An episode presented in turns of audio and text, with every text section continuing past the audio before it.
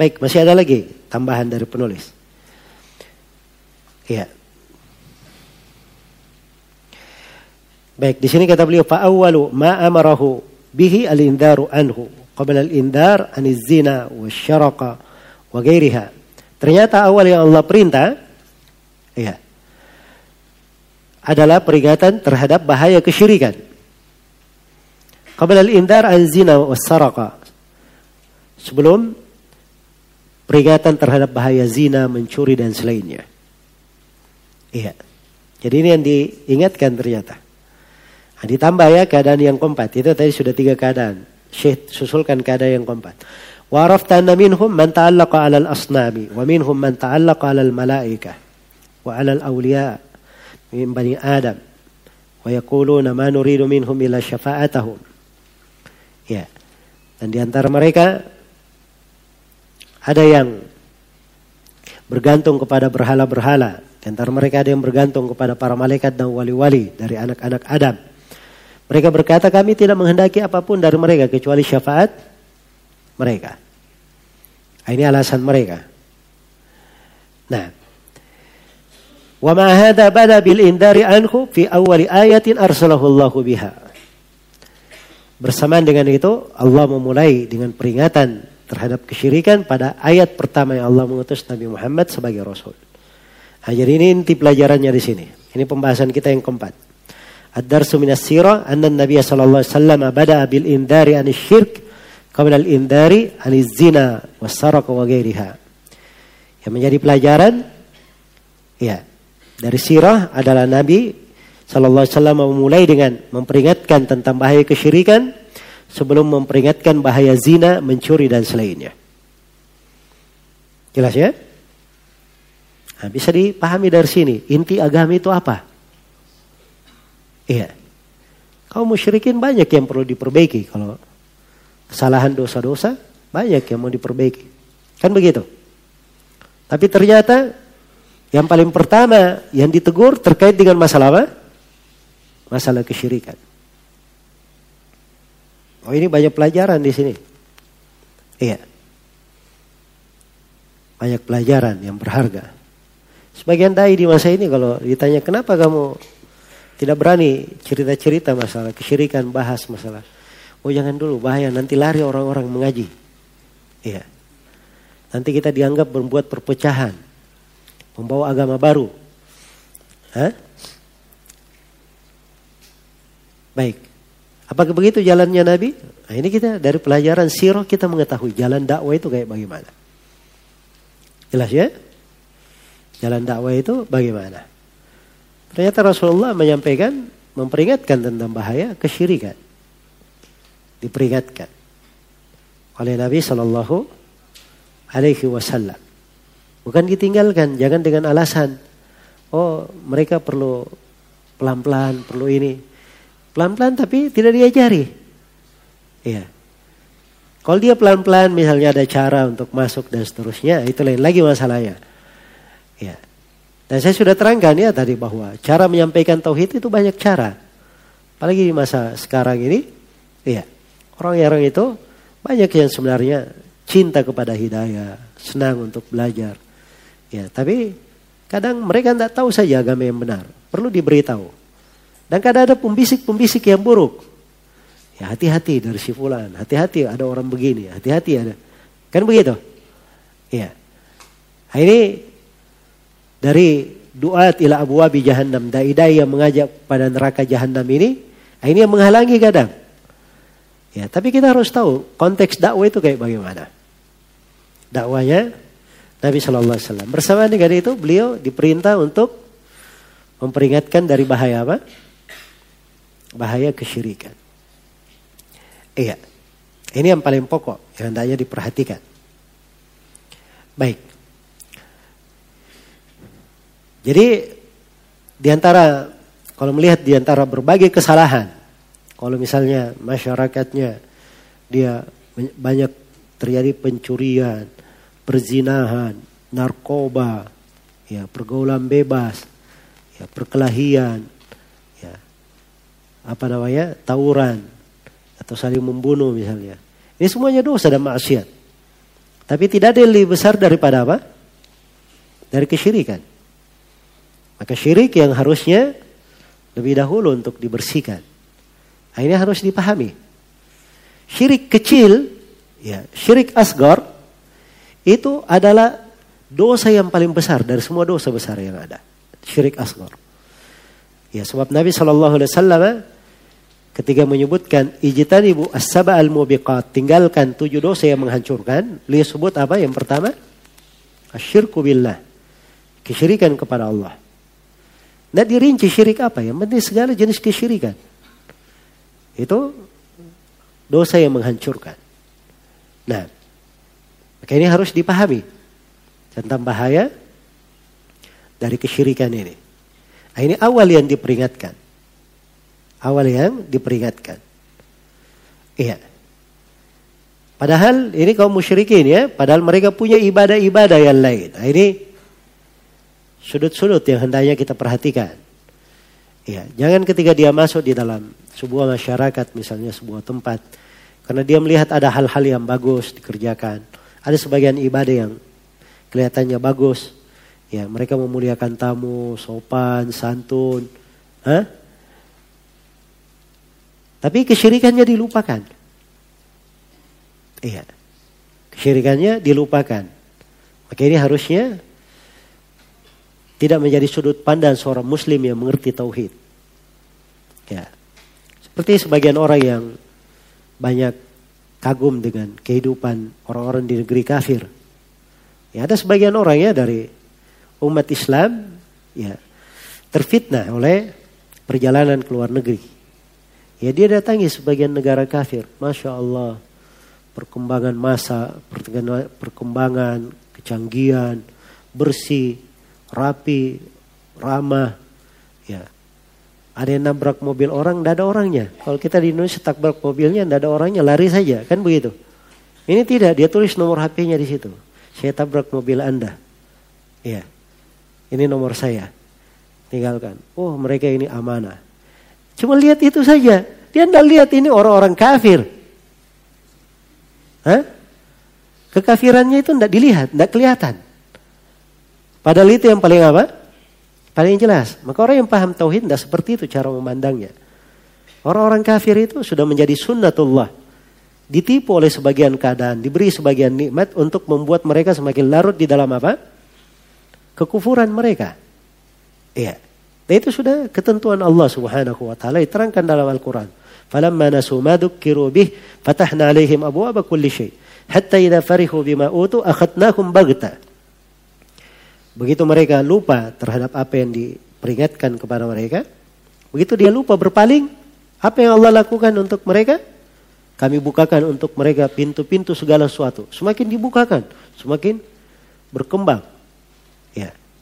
Sampai mereka begitu berbangga, kami siksa mereka tiba-tiba. Maka tidak bisa keluar lagi dari siksaan. Iya. Baik. Jadi seorang yang berada di atas tauhid, nah itu harus pandangannya tajam, kuat. Nah, ini pelajaran yang berharga ya. Nah, terus yang ketiga di sini dari uh, dari sisi pelajaran juga, ini ketika uh, yang terlihat Ya penulis ingin menegaskan ya bahwa ternyata mereka punya ibadah. Iya. Mereka punya ibadah-ibadah. Ada kebaikannya. Ada ibadahnya. Yang paling besar yang mereka anggap ibadah itu kesyirikan. Itu ibadah yang paling besar. Jadi ini harusnya kalau dibahasakan, wah ini perkara yang sensitif kalau dibahas. Karena ini betul-betul apa? Hal yang diagungkan oleh mereka hal yang dibesarkan. Ya. Bersama dengan itu Allah perintah nabinya untuk memberi peringatan tentang bahaya kesyirikan. Memperingatkan akan bahaya kesyirikan. Iya. Baik. Maka ini pelajaran ya dari sirah kita bisa memahami sudah bahwa memperingatkan akan bahaya kesyirikan iya ini awal ayat yang turun kepada Nabi Shallallahu Alaihi Wasallam. Beliau diperintah untuk menyampaikan tauhid dan memperingatkan akan bahaya apa? Kesyirikan. Ini pokok yang terbesar. Ya, yang dengannya Nabi Shallallahu Alaihi Wasallam diutus. Beliau memulai dengannya. Sebagaimana seluruh para nabi dan para rasul diperintah untuk hal yang sama. Setiap nabi dan rasul memulai kepada umatnya masalah ini. Iya, ini awal perkara yang disampaikan oleh Nabi. Kemudian 13 tahun beliau di Mekah di kondisi yang seperti ini. Di atas dakwah ini. Ya, di fase Medina 10 tahun. Beliau tetap menyerukan kepada tauhid sambil turun hukum-hukum disempurnakan agama dan di akhir hayatnya Nabi Shallallahu Alaihi Wasallam ya berpesan kepada umatnya la'anallahu al-yahuda wan nasara ittakhadu kubur anbiya'ihim masajid Allah melaknat orang-orang Yahudi dan Nasara menjadikan kubur nabinya sebagai apa? Masjid. Mereka khawatir. Nabi khawatir kuburnya juga dijadikan sama sepeninggal beliau. Perhatikan ya dari apa namanya keseriusan terhadap tauhid dan kekhawatiran terhadap kesyirikan. Iya. Nah itu suatu hari Nabi Shallallahu Alaihi Wasallam uh, masih galau dengan apa namanya beliau masih uh, ada tidak bisa tenang dengan keberadaan berhala yang disebut dengan nama Dil Khulasah. Iya, ter, terdapat kesyirikan di situ. Maka Nabi Shallallahu Alaihi Wasallam eh, berkata suatu hari kepada para sahabatnya, "Mayurihuna min Dil Khulasah." Siapakah yang membuat kita ini beristirahat dari Dil Khulasah? Jadi beliau selama ini tidak merasa beristirahat. Ya, dengan adanya kesyirikan itu. Maka Jarir Ibnu Abdullah Al-Bajali berkata, saya ya Rasulullah. Beliau pun berangkat memimpin pasukan lalu membereskannya. Iya.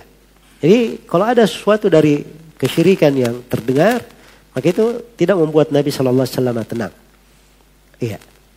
Ini dari jiwa Rasulullah Sallallahu Alaihi Wasallam dan itulah jiwa tauhid yang harusnya menjadi panutan dan contoh di tengah umat ini. Iya. Tapi yang menjadi masalah kita karena kurangnya dari keimanan kita dan kurangnya pemahaman kita terhadap tauhid banyak terjadi dari kesyirikan tapi kita santai-santai aja iya terjadi apa namanya hal tersebut seakan-akan perkara yang biasa saja perkara yang biasa saja. Nah bahkan harusnya ada hal-hal yang besar terjadi di sebuah negeri nah itu harusnya menjadi sudut perhatian. Ya masih banyak di negeri-negeri kaum muslimin tempat-tempat yang dikeramatkan, kuburan yang dibesarkan, yang dijadikan sebagai tempat untuk beribadah, penyembahan, masih ada dari apa namanya pepohonan yang diberikan padanya sesajian, laut yang dibuat padanya acara sesajian dan sebagainya. Ya, kita melihat banyak hal dari hal tersebut. Ada yang terjadi bulanan, ada yang terjadi tahunan, ya ada yang musiman. Nah, ini semuanya dari hal-hal yang harusnya dipikirkan oleh seorang yang bertauhid. Baik. Jadi di sini ternyata awal yang Allah Subhanahu wa taala utus Nabi sallallahu alaihi wasallam dengannya adalah perintah agar supaya beliau memperingatkan dari kesyirikan dan berdakwah kepada tauhid. Nah, kata Syekh, fa awwalu ma amarahu bihi al-indaru anhu. Iya. Qabla al-indar aniz zina wa saraq wa ghairiha. Maka awal yang bersama dengan itu uh, Allah mulai dengan peringatan kesyirikan pada ayat pertama yang, yang Allah mengutus Nabi Shallallahu Alaihi Wasallam dengannya. Nah, baik. Atau sebelumnya ya, maka awal yang Allah perintah dengannya adalah beliau memperingatkan tentang kesyirikan itu. Sebelum, sebelum memperingatkan tentang bahaya zina, mencuri dan selainnya. Kata beliau, wa arafta anna minhum man ta'allaqa 'ala al-asnami wa minhum man ta'allaqa 'ala al-malaika. Dan kau juga mengetahui bahwa di antara mereka ada yang bergantung kepada berhala-berhala serta di antara mereka ada yang bergantung kepada para malaikat dan kepada wali-wali dari anak Adam. Ya, wa yaquluna ma nuridu minhum illa syafa'atahum. Dan mereka berkata kami tidak menghendaki apa pun dari mereka kecuali syafaat mereka. Wa ma'ahada bada bil indari anhu fi awali ayatin arsalahu Allahu biha. Bersama dengan itu Allah memulai dengan peringatan terhadap kesyirikan. Pada ayat pertama yang Allah mengutus Nabi Muhammad sallallahu alaihi wasallam sebagai apa? Sebagai rasul. Nah, kata beliau, "Fa in ahkamta hadhil mas'ala fala ya busyraka." Apabila engkau telah kuku dengan mengetahui masalah ini, wahai betapa gembiranya engkau. Sebab ini masalah besar. Seorang kalau dia mengerti masalah ini, nah ini Masya Allah. Suatu pemahaman yang sangat indah. Kabar gembira untuk seorang hamba. Sebab dia mengenal agama Rasulullah Sallallahu Alaihi Wasallam. Iya. Apa agamanya para nabi dan para rasul. Iya. Baik. Khususan إذا عرفت أن ما بعدها أعظم من صلاة الخمس ولن تفرض إيه إلا في ليلة الإسراء سنة عشر بعد حصار الشعب وموت أبي طالب وبعد هجرة الحبشة iya bisanatain ini pembahasan yang kelima takkid إضامة الإنذار عن الشرك بأن حصار الشعب وهجرة الحبشة عند هذه المسألة نعم baik dan ini juga pembahasan yang keenam ya sekaligus ta'kidul masalah bihaith inna fariidhat as-salah ta'ti mutaakhirah fi sanati ashrin iya sekarang ini peringatan tentang bahaya kesyirikan ini terus berlangsung. Ya. Nabi Shallallahu Alaihi Wasallam sudah dihisar di Asyib. Terjadi pemboikotan terhadap Nabi di mana? Di Asyib. Iya. Ini dalam uh, kisah ya pernah beliau diboikot di situ oleh kaum musyrikin. Iya. Dan setelah wafatnya Abu Talib. Iya.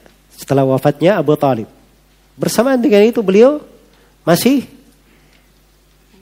berdakwah kepada tauhid memperingatkan dari bahaya kesyirikan. Iya. Dan juga tidak ada yang lebih besar sebenarnya dari apa? Perkara yang lebih agung daripada sholat lima waktu. Setelah tauhid tidak lebih besar dari sholat apa? Lima waktu. Sholat lima waktu saja kapan diwajibkan? Hah? Diwajibkan pada tahun 10 Hijriah. Iya. Ya sudah setelah 10 tahun diwajibkan. Baik. Ini sebelum kewajibannya ini terjadi pada malam Lailatul Isra di, di tahun 10 Hijriah. Dan juga sebelum hijrah dua tahun setelah hijrah ke Habasyah. Jadi sudah ada perintah hijrah ke Habasyah. Iya. Sudah ada hijrah ke Habasyah dua tahun baru turun perintah sholat. Baru turun perintah sholat. Nah, ini menunjukkan besarnya masalah ini. Iya, agungnya permasalahan ini. Nah, ini semuanya harusnya dipahami ya dari membaca sirah Nabi Shallallahu Alaihi Wasallam. Baik, jadi masalah-masalah besar terjadi selama beberapa tahun, tapi bersamaan dengan itu beliau tetap ya di atas hal ini. Perintah untuk memperingatkan dari bahaya kesyirikan mendakwakan kepada apa? Kepada tauhid. Kata beliau faida arafta anna tilka al-umur al-kathirah wal adawat al-balighah kullu dhalika inda hadhihi al-mas'alah qabla fardhi salati rajautu an ta'rif al-mas'alah. Jika engkau mengetahui banyak perkara-perkara itu dan permusuhan yang sangat berlebihan tersebut semuanya adalah pada masalah ini sebelum kewajiban salat aku berharap engkau telah memahami masalah ini. Ya, jadi permasalahannya harus dipahami ya tentang Pentingnya apa? Pentingnya tauhid di sini. Ya bisa dipahami tentang pentingnya tauhid. Baik, selesai pelajaran yang pertama dari sirah Nabi Shallallahu Alaihi Wasallam, yaitu kisah turunnya apa? Wahyu. Ternyata dari kisah turunnya wahyu, awal wahyu yang turun kepada Nabi sebagai seorang rasul adalah perintah untuk memperingatkan bahaya apa? Bahaya kesyirikan. Iya. Sisi pentingnya masalah ini di awal wahyu. Padahal kaum musyrikin waktu itu kondisinya kondisi mereka banyak dosa-dosa kemaksiatan yang lain besar. Tapi ini yang pertama yang diperingatkan. Ya. Dan waktu itu masalah yang paling riskan, paling besar di sisi mereka karena mereka mengagungkan kesyirikan yang mereka lakukan itu, yang mereka anggap sebagai ibadah. Ternyata itu adalah kesyirikan yang diperingatkan oleh Nabi Sallallahu Alaihi Wasallam. Ya. Dan dari agung masalah ini, ini terus berlanjut bersama Nabi. Kewajiban sholat tidak datang kecuali 10 tahun. Apa namanya? Pada tahun 10 Hijriah ini di atas satu pendapat ya. Ada yang mengatakan bahwa dia tahun 10 Hijriah. Ada yang mengatakan bahwa dia setahun atau dua tahun sebelum hijrah. Ada yang mengatakan beberapa bulan. Jadi ada beberapa beberapa bulan sebelum hijrah. Jadi ada beberapa pendapat. Ya penulis di sini mungkin beliau pilih salah satu dari pendapat untuk mendekatkan apa? Dekatkan pemahaman bahwa ini sampai akhir mendekati akhir fase Mekah ini masih tetap di masalah ini. Iya. Sudah terjadi berbagai kejadian ada hisar asyib. Ya, pemboikotan terhadap Nabi dan para sahabat. Ya, di asyib. Kemudian bagaimana setelah wafatnya Abu Talib semakin keras lagi. Ya, ujian dan cobaan. Dan ini kewajiban sholat juga itu turun dua tahun setelah hijrah ke Habasyah. Saking besarnya cobaan terhadap umat, maka diizinkan berhijrah ke mana? Ke Habasyah. Sebelum hijrah ke Madinah itu, ada namanya hijrah ke Habasyah. Dan hijrah, hijrah ke Habasyah itu dua kali. Hijrah ke Habasyah dua kali. Jelas ya? Iya. Nah ini juga pelajaran hijrah ke Habasyah itu ada pelajaran-pelajaran tauhid di sana. Ada banyak dari pelajaran apa? Tauhid. Iya. Yang hendaknya diketahui. Tapi di sini Syekh mengisyaratkan tentang hal tersebut. Jadi ini semuanya menunjukkan besarnya masalah ini. Ini perkara yang hendaknya kita ketahui bahwa ini adalah agama para nabi dan para rasul. Ini pokok dari agama nabi kita Nabi Muhammad sallallahu alaihi wasallam. Iya. Ada sebagian orang di masalah ini yang penting Islam itu bagaimana seakan-akan orang itu senang saja sama kamu. Iya. Yang penting orang itu tidak lari. Ya. Tapi dia pakai bahasa bahasa bagus, perbaiki akhlak. Akhlak apa maksudnya? Ya akhlak menurut dia. Akhlak menurut dia kan begitu. Ya. Padahal akhlak itu kalau mau dilihat akhlak yang paling agung ya adalah akhlaknya siapa? Rasulullah sallallahu alaihi wasallam. Dan Nabi ini akhlaknya. Ya, beliau melarang dari apa? Dari kesyirikan. Jangankan manusia secara umum. Keluarga yang paling dekat saja beliau peringatkan. Nah Allah khususkan beliau perintah di situ. Wa andir ashiratakal aqrabin. Dan beri peringatan kepada keluargamu yang terdekat. Karena itu ketika ayat turun beliau panggil keluarga-keluarganya yang terdekat. Ya dipanggil pamannya, putrinya Fatimah. Ya. Dan Nabi berkata bebaskan diri kalian dari api neraka. Ya, tidak ada yang menyelamatkan kalian. Ya kecuali apa namanya? Eh, bebaskan diri kalian dari api neraka, kata Nabi, saya tidak mampu memberi manfaat kepada kalian sama sekali. Iya. Maka ini adalah menunjukkan besarnya masalah ini. Iya. Nah, ini pelajaran yang pertama yang kita petik di sini dari sirah Nabi Shallallahu Alaihi Wasallam. Baik,